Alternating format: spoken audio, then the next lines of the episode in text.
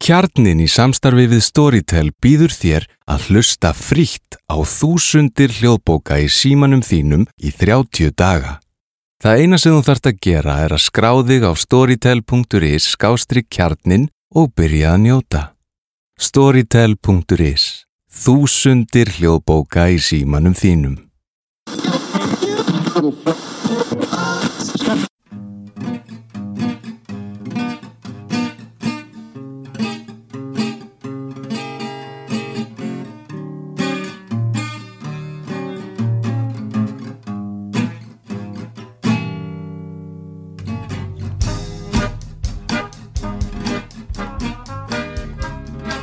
Velkomin í samtal um samfélagi, hlaðvart félagsfræðinar.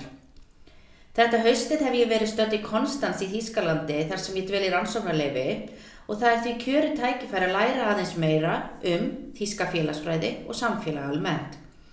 Hjá mér í dag er Sebastian Kors en hann er lektor í samfélagslegri ábyrð fyrirtækja í deilt stjórnmál og ofinbæra stjórnsýslu við Háskólan í Konstans. Hann kláraði doktorspróf í félagsfræði árið 2012 frá Háskólanum í Mannheim í Þýskalandi, var John F. Kennedy Memorial Fellow við setur Evrópufræða við Harvard Háskólan 2015-16 og hófi kjölfarið störf hér í Konstans. Rannsóknir hans eru innan félagsfræði efnahagslífsins og hefur hann til að mynda skoðað samfélagslega ábyrð fyrirtækja, sjálfbæra og siðferðislega neysluhyggju og hefð siðræna hagkerfi kapitalismans Eins og allir hafa eflaust tekið eftir þá hafa loftlagsmálinn verið mikið rætt á heimsvísu undanfæri messri og þá kannski ekki síst þáttur Greti Thunberg og loftlagsverkföll ungu kynnslóðurinnar. En Sebastian hefur skoðað það sérstaklega, bæði með því að sapna gögnum á vettvangi og með því að byrta þrjá skýslu sem byggja á þeim skýslum. Það er því meira en nóg að ræða fyrir okkur hér og ég skipti því yfir á ennsku. Welcome to the podcast, Sebastian, and thank you so much for having me here in Constance. Hello, it's great to have you here, Sigrun. It's been quite amazing. I know, for me as well. it's great to have you here and spend time with you and discuss and do this podcast. That is, of course, the most important thing when I travel abroad is to do the podcast. And to hang out here at the lake. Indeed. Um, I mentioned in the introduction a little bit about your research and especially your work on the youth climate movement. Uh, but before we sort of get into like the real issue, um, I want to get to know a little bit more about you and maybe specifically if you could tell us a little bit about how you became interested in sociology and what your trajectory was from, you know, growing up in a small town in Germany to become a professor here in Constance. Hmm. Yes, well, my way to sociology has certainly been not straightforward. After I graduated from high school, I basically was lucky enough to not uh, have to serve on the military service or civil service, mm. which back then every uh, young man had to do. Okay. Um, I was lucky because I had two older brothers mm. that already had served military service, and then as a third or fourth child, you are excluded. Oh, so it's only the each family need to provide two. Yes, exactly. I think they came up with such a law after World War II. Yeah. And so I didn't really know what to do after I finished um, school, and I thought I need to leave and leave this small little town and explore the world. So I managed. That's in Bavaria. That's in Bavaria, yeah. a small little town close to Frankfurt, um, and so I managed to do an internship in the US. That's how I mm. ended up with this Yankee accent. and uh, I spent three months there in a company uh, that produced trailer axles. So, mm. really, uh, equipment for the road for, for trucks. And I did the same thing in a German company and then in an Australian company. Oh. So I observed basically very different work settings and uh, at a very young age. And it appeared to me that, you know, there are striking differences mm. in how work is organized, um, how people think about their work, how they behave at work, what kind of norms do exist. So I started uh, studying business management after uh, this one year that I mm. took off and traveled and worked. And very quickly I became I came to realize that, you know, those people in business schools or in that business school, they don't ask the right questions Mm. and they don't give the right answers to the questions that I would be interested in. So after one year in business school, I changed to um, sociology, political science, and social psychology, which was a, a program at the University of Mannheim. Mm. And there I felt finally that, you know, those people did ask the right questions and they came up with interesting answers. Um, so I, I found myself very lucky and interested in what we did, uh, what we looked at, and the way we, we looked at the world. So when you talk about the different kind of questions that were being asked, could you give examples of this and maybe also going back to like what you were observing about the differences in work conditions? Like what Mm. kind of things were you seeing that were different?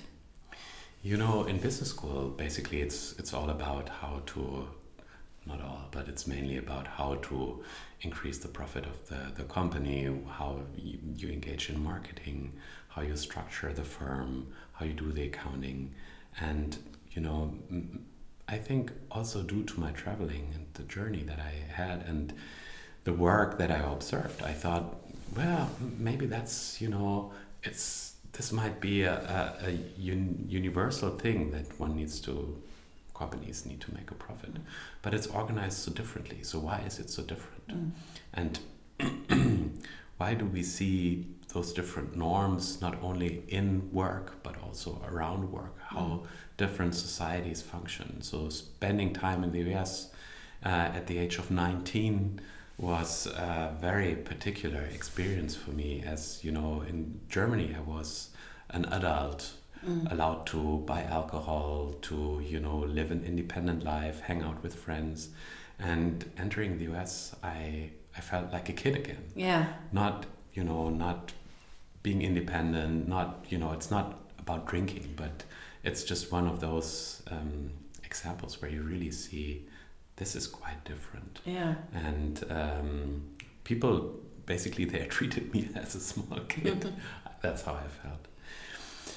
So that was one thing. And then in australia it was yet quite different again. There it was more like germany and um, one thing that was you know a very funny difference i think is the drinking habits Mm. in all three workplaces. In Germany, um, you know, in Bavaria, you are allowed to drink beer during work, Mm. uh, and, and this is regulated in the Bavarian constitution. And there was a fight at the company that I worked for between the workforce and, you know, the management. And they, you know, the, the work council basically argued, you know, we as Bavarian workers have a right to drink our beer. Okay, so they were drinking during work, you know, on the shop floor. They didn't drink much, but Yeah. yeah, they, they did drink. And then I went to the US. And no, I mean, drinking was absolutely, you didn't even talk about it. Mm. But, you know, every morning when I entered my office or went to the shop floor, I could smell that everyone was drinking. Mm. And in Australia, no one was drinking at work Mm. uh, during work hours.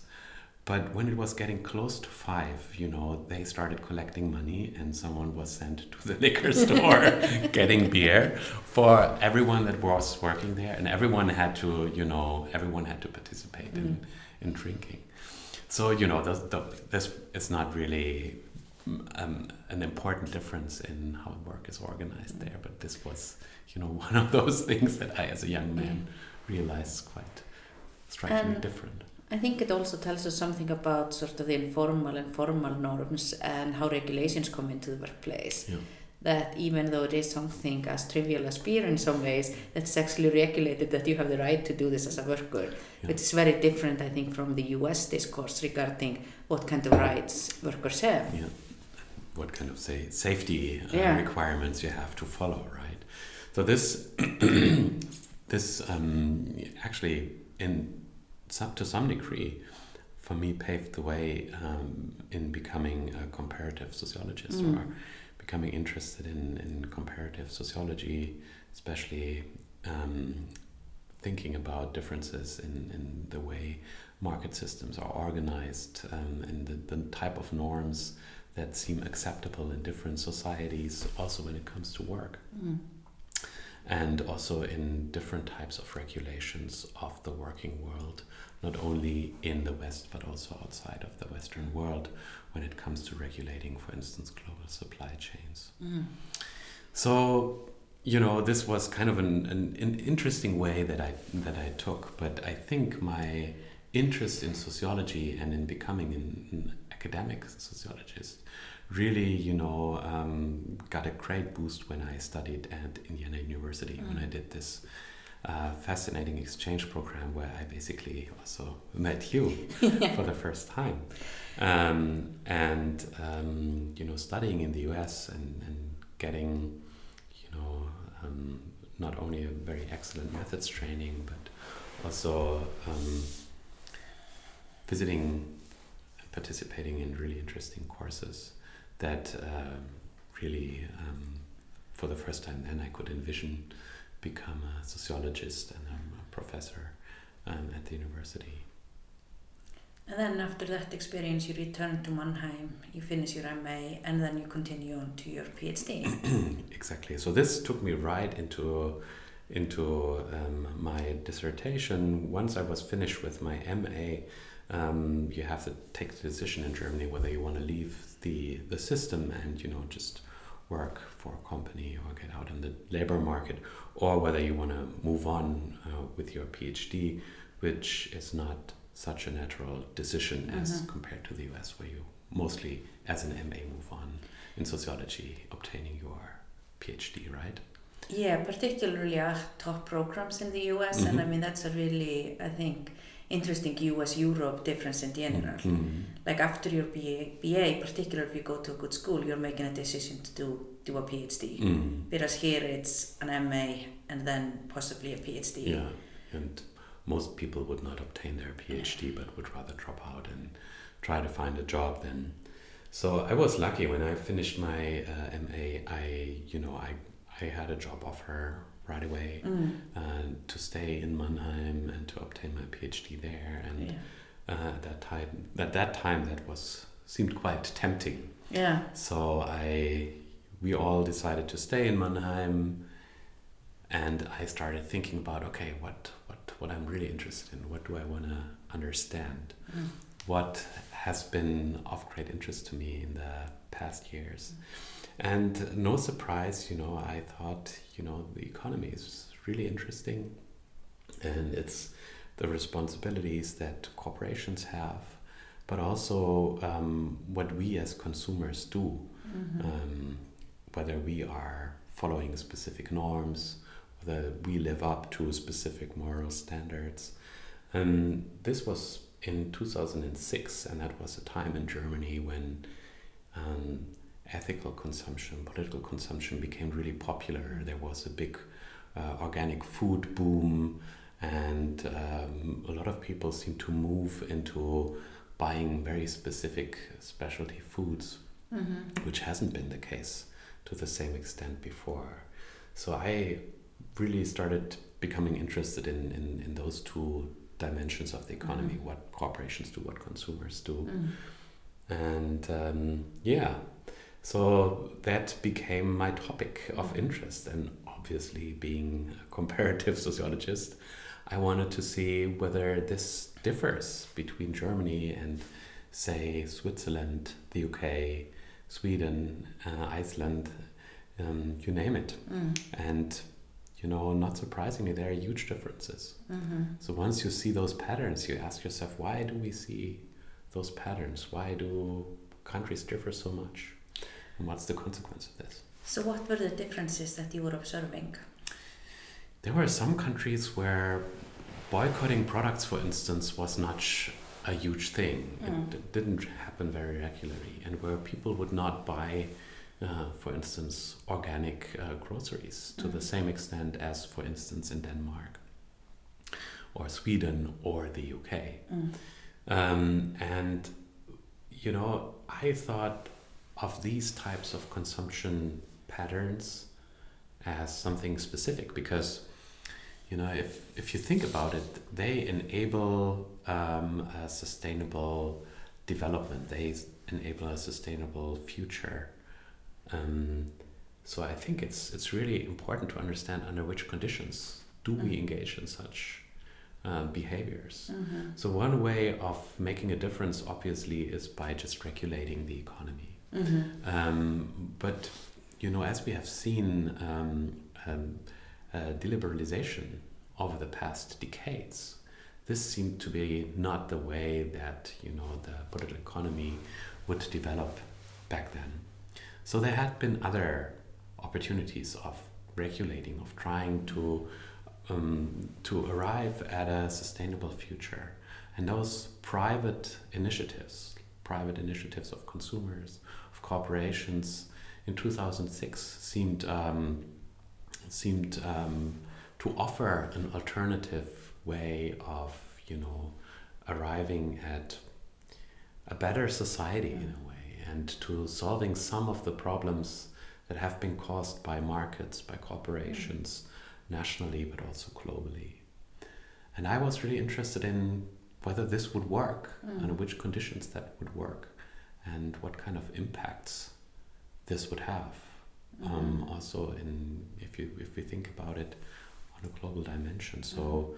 if we in Iceland or Germany change our consumption habits, would this really impact the labor conditions of people, for instance, in Bangladesh? -hmm.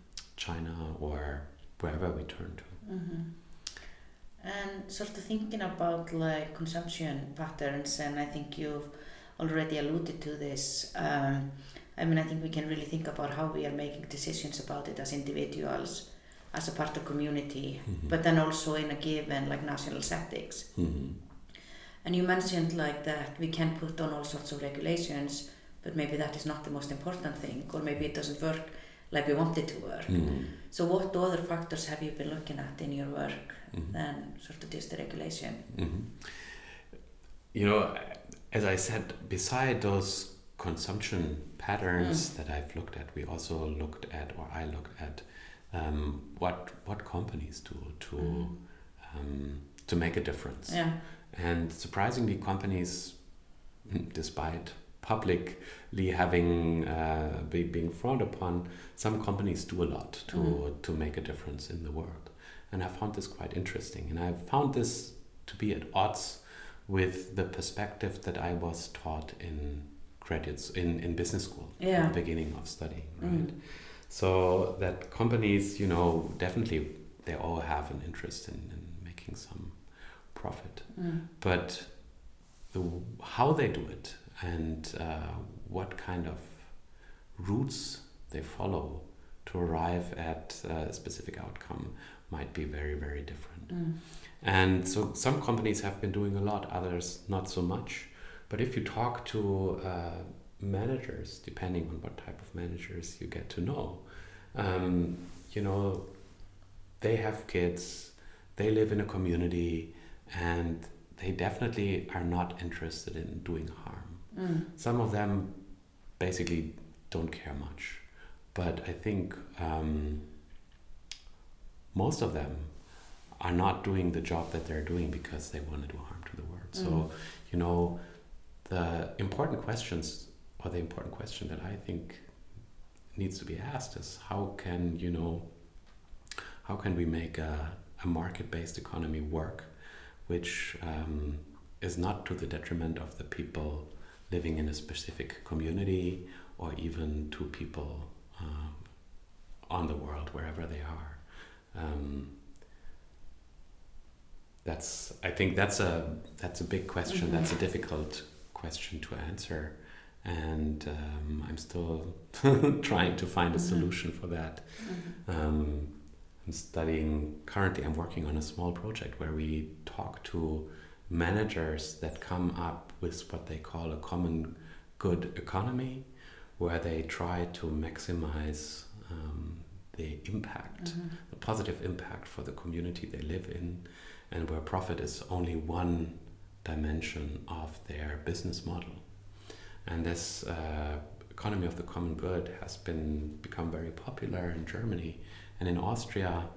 Um, has been a German book about it, and for a lot of people in business, it, it it's an intriguing idea that you know we don't need to put profit first. It has to be there, but there are other things that we can that we can do. There are other aims that we can try to reach, and the interesting thing is it will still work. It mm-hmm. will still be a profitable um, company, but it will do other things than just creating mm-hmm. profit. It will make people feel better, happier, have a better life, and not only in the company but also mm-hmm. um, the community around the company. Mm. And I think that's obviously very important to think in that way, but I think one can also think about this in terms of long term and short term profit. Because I mean, I think often the things that we do see is that maybe by not respecting the community, not respecting nature or the environment, mm. you can make a lot of money really quickly. Mm. Yes, yeah, absolutely. How do you then sustain that over time yeah. and actually like have a corporation or a company mm. mm. that can be profit profitable and providing employment over decades? Mm. Absolutely, and I mean this is, I think, what you are addressing is really at the bottom of the or at the core of the, the, the larger problems that we're facing and uh, also at the core of those um, climate strikes that we're observing um, that there is just um, a huge conflict between uh, the short time span in which we live and the time span uh, that the future generations have to deal with the conditions that we left them with. So um, obviously, you know, this this issue or those issues between how to make a living, how to run an economy, and to have this economy live up to certain standards, meet certain requirements, for instance, um, to provide long term prosperity also to future uh, mm. generations, to not extract the resources that also future generations mm. need. That's uh, has become the core of what I'm interested in. Mm-hmm and this is really the um, yeah this is really the, the conflict i'm looking at. How can we arrive at such a world? And if we see signs of um, changes how can we how can we explain under which conditions they do work and where they do not work? Mm-hmm. and that's exactly precisely where i wanted to transition into. Now and i think in essence uh, a lot of the things that you're interested in and looking at are thinking about like what is our responsibility towards one another, mm-hmm. towards society, towards the future. And one of the things that you have particularly been looking at uh, that obviously is one of the probably most heated debated issues today, one of what many would say like the greatest challenge that we are facing mm. relating to climate change. Uh, and what you particularly been looking at is thinking about the movement that I think we would credit to Greta Thunberg, mm and the strikes that have been going on um, here in Germany and around the world. Um, and maybe just talking about particularly when you're picking everything related to what is happening in thinking about the environment too. Mm -hmm. Why this focus? Why focusing on what the young people are doing? Mm -hmm. So, you know, I obviously I've been interested in this overall topic um, and I've, I've worked a bit in the past about social movements and how they emerge and what they do. And, uh, you know, we saw this movement very slowly starting in, in, in, in Germany. And um, I was working last, um, uh, this year, I was working on a different topic. Um, which also res relates to responsible consumption and um, interestingly, we focused on young people's mm. consumption mm. patterns. We wanted to understand how young people, um, whether young people consume sustainably, responsibly, or not. And then those protests started in Germany. It was basically February. And um, being on this project, we thought, oh, we need to extend our project and we need to take mm. this into account because this will be really um, this is really at the core of what we're mm-hmm. interested in why do people why do young people engage either on the market by shopping or on the political arena um, why do they mobilize to make a difference mm. and we were surprised um, how large this protest became in a very short time span.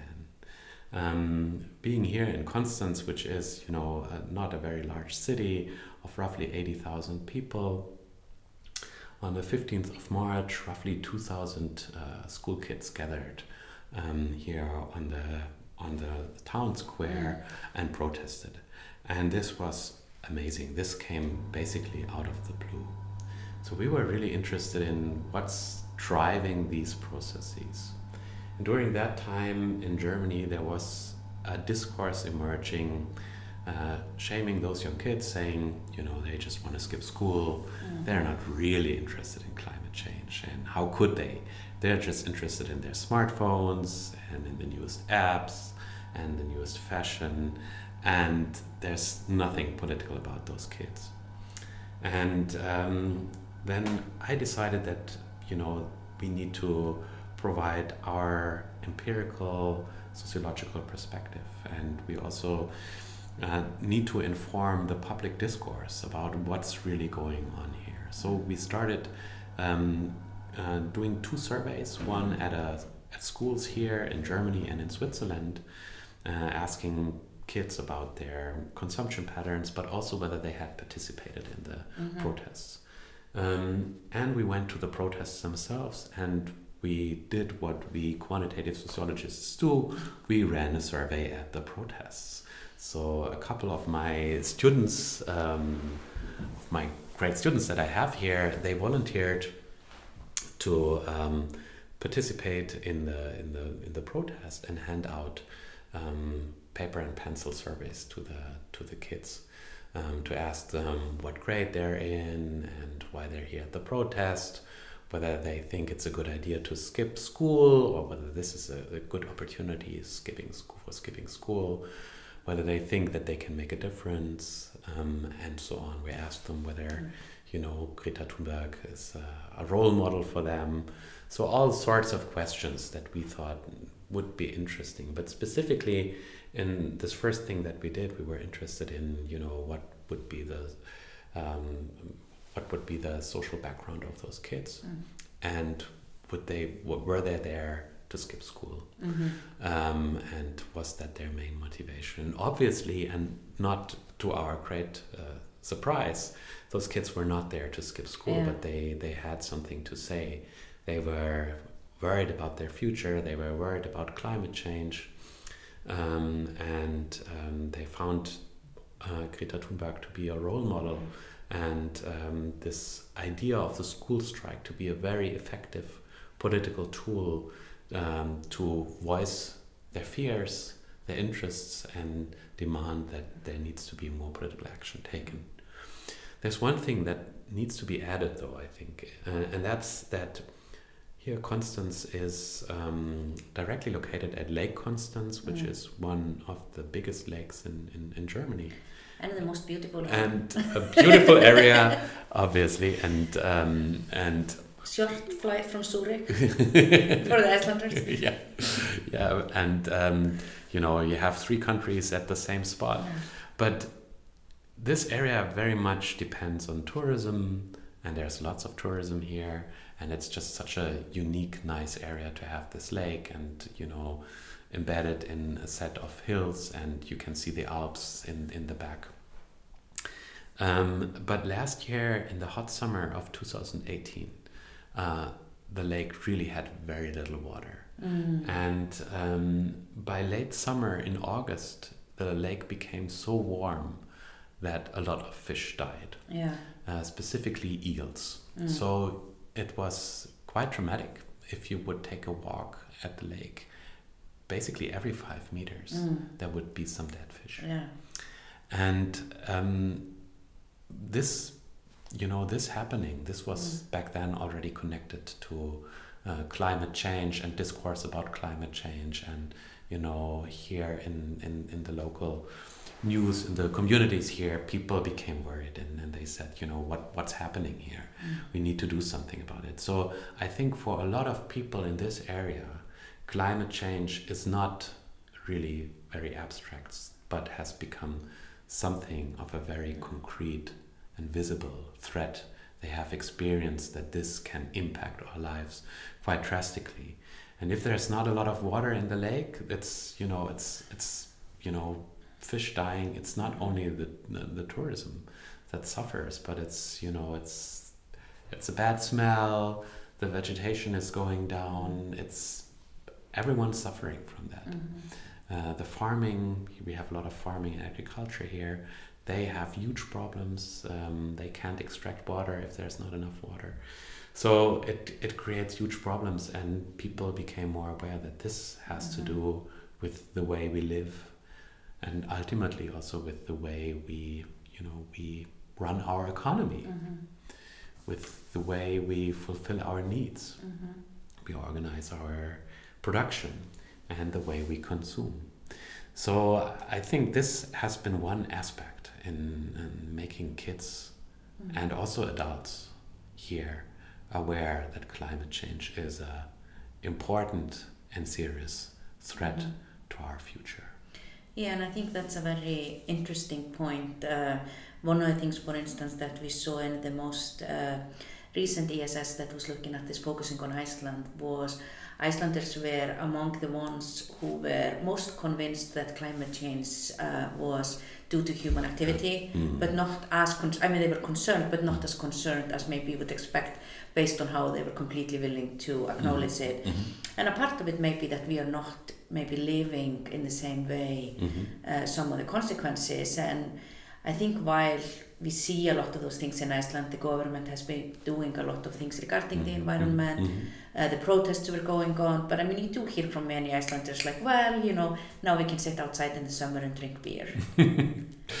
yeah. And we are not starting, I mean, we will, I mean, I think we are destined to feel it very drastically, you know, at some point, but just when you talk about this as like walking around Lake Constance and seeing the dead face, mm. it's not been to the same extent. Mm.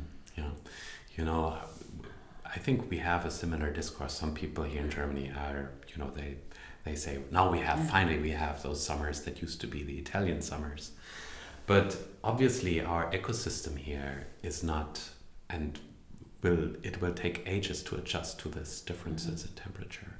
So what we'll see is that our ecosystems and everything that's related to this, including specific diseases, um, that will affect our lives and it. Mm-hmm you know, drinking outside, uh, sitting outside drinking beer seems, you know, an, a, po- a very positive a thing, but but Icelanders are living the dream. yeah, but you know, at the same time, uh, things that are so characteristic for Iceland, like the amazing glaciers. Well, yeah, I and that's a big discussion. Yeah, that, that like we'll see them. Yeah, that have been dying. You and know. in my lifetime, I mean, you can see that. Mm. Uh, and that's like so frustrating, that, right? I mean, like, you you can drive now where like when I first went to like the big glaciers, uh, it was a big glacier. Yeah, yeah. So uh, I think you know Iceland and, and German Germany is it's in in some ways that's very similar, but I think Germany can uh, and Germany is looking towards uh, Iceland and, and mm. tries to see what can be improved, what can we learn um, and I think that's a good thing mm. that you know we are starting to think about our energy uh, provision and how we can change how energy is produced, um, and that you know the, the, German politics are taking this more serious. Mm-hmm. But uh, as we have learned, you know, our government they have just recently um, made a couple of decisions to um, to um, change regulations to prevent climate change, but those unfortunately have not been very far reaching. Mm-hmm. So, despite those huge mobilizations that we've seen here, not only in Konstanz, but also in, in Berlin, in Konstanz, we have seen while you were here, right? We have seen a protest in September of 10,000 mm-hmm. people. Officially, at least, maybe it's a bit less, but uh, you know, it have been very impressive mm-hmm. uh, protests going on. Um, and it, they have been the largest protests that Konstanz have ever seen. Yeah. And yet, the government uh, did not um, take this opportunity very serious mm-hmm. to make a, you know, remarkable and drastic change of their political agenda. Mm-hmm. and so it will be exciting to see what what will happen next. It's really difficult to see. We see some radicalization going on uh, among young people, and uh, we you know we also made a couple of other surveys, and we saw that especially young people in Germany are really afraid of the future. They mm. feel very threatened by climate change. Uh, obviously, older people not to the same extent. Mm. It will not affect them to the same degree. So I uh, hard to say what will happen next, but um, I don't think that this movement will come to a, a easy stop mm-hmm. uh, in the very near future. But I think there will be a lot of things going on and more protests mm. happening very soon. And sort of based on your data, and I think, you know, maybe at least equally importantly, being in the protest, being in this environment, seeing the kids interacting with them. Mm. Because you would have some who would say basically what we're doing is just raising kids who are gonna be like so afraid, so scared mm -hmm. that like it's gonna take over their entire lives, like they're not gonna even be figuring out how to solve this because they are just to be terrified of the future. Mm. And we are really not gaining anything by making them so afraid. Mm. Uh, based on like you know your experiences and what you've been seeing, how would you respond to people who I think in many societies is a minority, but sometimes a sizable minority? You know, you know, I already mentioned that you know some people claim that they're apolitic kids that yeah. those kids are apolitical and they're not interested and um, now they might be afraid. But I think what I observed also talking to some of the activists uh, and interviewing some of them is that those are really smart, creative kids that uh, take initiative. Mm-hmm. And um, most of the activists and most of the protesters, they're convinced that they can make a difference. Um, and they are willing to not only protest, but here, for instance, they engage in all kinds of activities.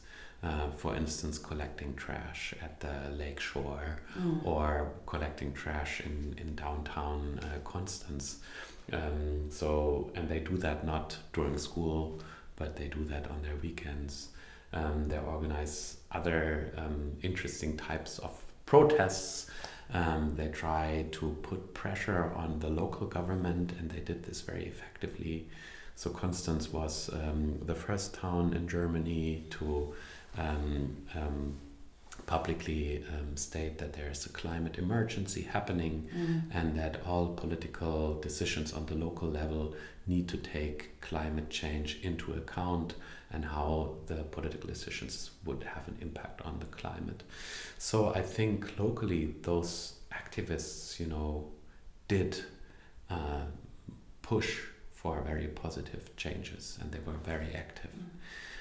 I do agree though that, you know, fear might not be a good starting point for um, a rational discussion about the problems.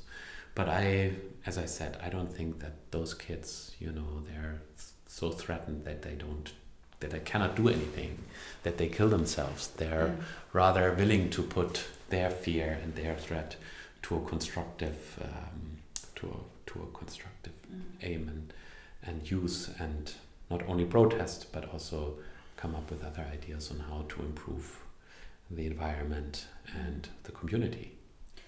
And I think in some ways, and maybe that is a generational difference when I, you know, sort of think about our generations that, you know, may have been aware of this, but maybe not, the majority not willing to make uh, major sacrifices in your mm. lifestyle mm -hmm. or, you know, your consumption or mm.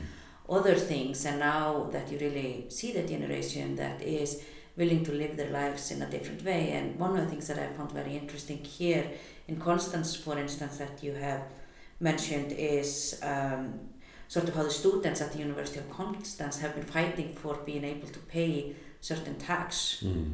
of the food. Yeah. And basically you pay more tax if you choose to get the schnitzel than if you used to get the salad. Yeah.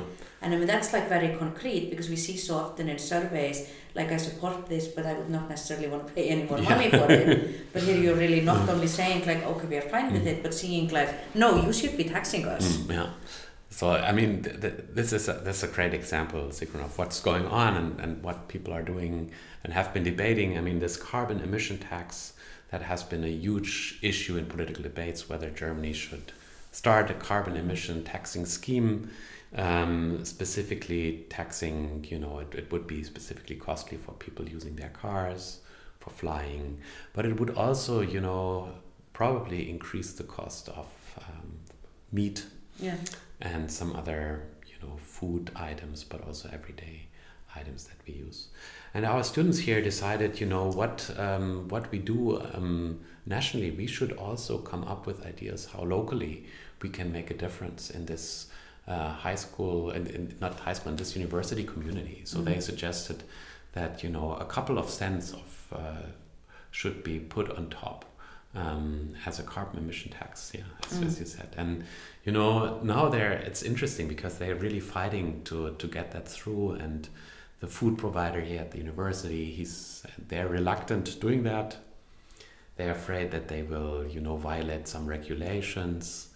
Um, but um, the way it's constructed, it's as an opt-out tax, so you don't necessarily have to pay it, but you have to opt out if you don't want to pay it. And I think this is kind of a micro laboratory um, of uh, what is going on.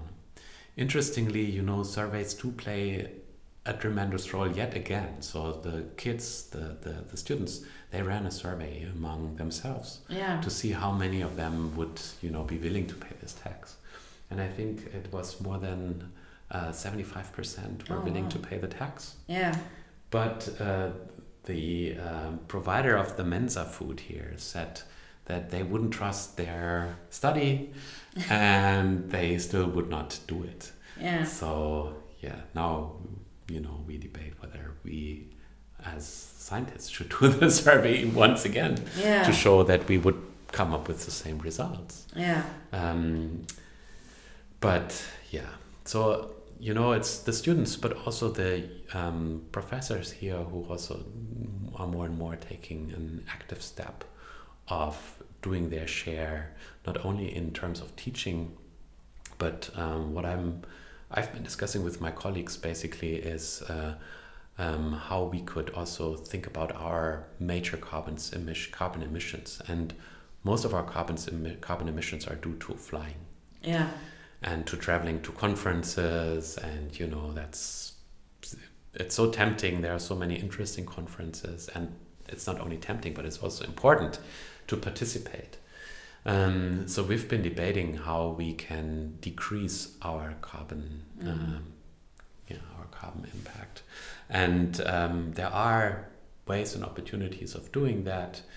Um, for instance by taking the trains uh, if it's uh, only a certain distance. So within let's say 600 kilometers you can take the train in germany. It's uh, not a great journey. It takes forever from Konstanz to get anywhere with the train. It's mostly easier to fly but um, you know we will try to set up a regulation um, and some of us already do follow those rules to then take the train. And if we have to fly um, to also pay some extra fee you know to to um, invest in some um, um, forest um, projects for instance to compensate our carbon emissions Mm. um, yet again this is a conflict between us and the state because officially this is not allowed Mm. um, so I think that will, you know, here in the University of Konstanz in the next half year, year, there will be a couple of conflicts on Mensa pricing and on traveling and the carbon emissions that we produce when traveling. hmm Yeah, and I think that's um, also, you know, one of the things that you obviously see here, and we've already talked about, you know, how corporations and companies often want to do good, but I mean, you can also see that there are enormous economic interests in maintaining the lifestyle that we have. Yeah. And sort of regardless of, you know, because obviously it's complicated and, you know, what choices are best uh, Mhm. is a part of a very complex, Yeah. like, calculations. Uh, but when you start to think about, you know, it's producers of beef who are telling us that it's actually more environmental to eat beef than be a vegan. Mhm. You're like, I don't know if you're really the you know, authority Yeah. of that. Yeah. But I mean, that's like, you know, one of those things is that we have an economy that lot, more and more have become dependent on flying. Mm, yeah. And obviously that's a huge interest group Yeah. to continue with that. I mean, we have a food system Mm, where basically like now we are saying for the environment you should be making those choices rather than those mm, and that is going to have economic consequences Yeah. for certain industries. mm. Yeah, yeah, and you, you know, I think as consumers we don't really think too much about our Mm. choices. We, you know, emotions do play a huge role. Um, routines do play a huge role. Specific norms. If it's just normal and natural that we do eat burgers, if it's just normal and natural that we do shop uh, for clothes once a month and spend a lot of money, and you know, we just wear the clothes that we wear twice, Yeah. maybe maybe three times, and then you know they go to the to the trash. That's uh, I mean it's obvious that that it's not very sustainable. And yet, again, it's it's really difficult to to change those things, and uh, it's perceived as uh, a huge. Uh, autonomy and freedom that we are able to travel where we want to travel um, for very little money Mm. that we want to that we can eat whatever we want to eat that we can wear whatever we want to wear. Um, so i think these are very fundamental conflicts and they're not here for the first time. We had similar conflicts already in the 80s and 90s um, and if you look at old news coverage uh, you know some of the debates that are resurfacing now for instance, producing a car that only needs three liters of gasoline. Yeah. You know, I just saw a news show where that was promised in the 80s already. and you you think, wow, that's maybe maybe we should not believe too much in the techni- technological solutions, but maybe we just really need to generally rethink um, the life that we, we want to live and that we want to our kids to be able to live. Mm. But I do see, and um, that this is a fundamental conflict between the freedom and autonomy that we all cherish so much. And I'm a big fan of traveling and autonomy, and at the same time, I see this is not this is not really good. Yeah. And as a sociologist, I'm also not sure whether putting an extra price on everything is really solving the problem because it now creates uh, other problems. It creates a, a huge system um, where social inequality will increase, social inequality in opportunities, in um, in life chances, if we regulate everything or if we try to govern everything through a price. Yeah. So this, in my perspective, can be only one part of the solution. We have to find other solutions. But I see the conflict between the autonomy as modern human beings and um, sustainable future as um, this underlying issue that will be um, that we have to focus on and have to think about over the next couple of decades Mm. um, and where we as sociologists, I think, can uh, can contribute greatly to understanding um, specific problems. For instance, understanding what kind of um, patterns of consumption, patterns of production are possible, um, what is being needed, whether specific regulations are efficient, whether uh, what kind of you know political instruments have consequences for inequalities, uh, not only in terms of income and wealth, but also in terms of you know environmental inequality, um, living in an intact environment. Um, so I think, I hope that um, us as sociologists, that um, we will be able to contribute to solving uh, these problems, but definitely to, to contribute to these debates, um, providing insights into how we as humans think and behave, um, and learn from others that there are some opportunities to improve our lives, um, to arrive at a sustainable future for our kids. hmm And maybe sort of related to that and to conclude, because I think now we've gotten into, you know, what we're increasingly seeing sociologists engage with is public debates and policy making. Mm-hmm. And one of the things that you've been working on hard now since uh, I came here is the reports that you've been doing mm-hmm. um, related to your research mm-hmm. on the uh, yeah like what the young people are doing and the young mm-hmm. people's uh, movement. Mm-hmm. Um, so maybe if you just tell me a little bit about what you have been doing relating to that and why you think it's important to produce those reports. Mm. Like what is the message that you are conveying through that? Mm. So after we studied this one first protest in, in Konstanz uh, and we, you know, put out this this report, we realized that this had an impact on, on the public debate and that, mm-hmm. you know, arguments that our results were taken up in the public debate. And we decided for some of the things that are being debated, it's important to make a contribution and to say, you know, if you study this, for instance, using a survey, or you could also use other methods, you will find this and that. For instance, we looked at support for the carbon emission tax. Yeah. Um, and we did decide to not um, put this in, you know, our regu- the regular journal publication track because uh, the debate is happening now, and we felt that, you know, we're really, you know, very close to the public discourse, and we have uh, had the opportunity to run a couple of interesting, important surveys, and we wanted this results that we produced to be um, to be making a difference in this public debate. Therefore, we decided to write reports, which for me has been a new thing. Yeah. But that uh, can be published fairly quickly, and um, you know, there some of them are a bit more technical. But we also decided to publish one report um, with a think tank in Berlin, uh, specifically because we wanted this results. It was based on a nationwide um, survey of almost 5,000 adults. And, you know, we studied support for a carbon emission tax, support for the Fridays for Future movement. And we did participate or did um, collaborate with this think tank because we wanted uh, this report to get as close to decision makers as possible, mm. which for me uh, is quite a new thing.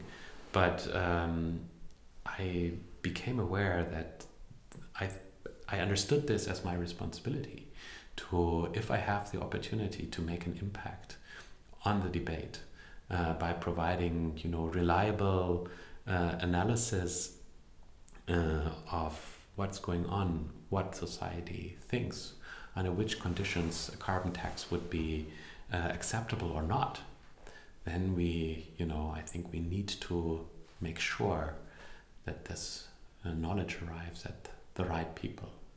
Um, I don't know whether we were very successful, but it definitely produced a lot of news coverage, and you know, uh, people were interested in the results, and I think it's still debated, and it's uh, still an ongoing debate on what to do next.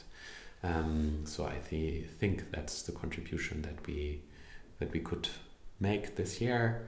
Uh, but I do also hope that now that I've published all those reports, that I finally can also write uh, academic papers using this data to, um, yeah, more thoroughly um, analyze what we found and also to the- theorize a bit more about um, why we do see the patterns that we see and put this into the scientific system then.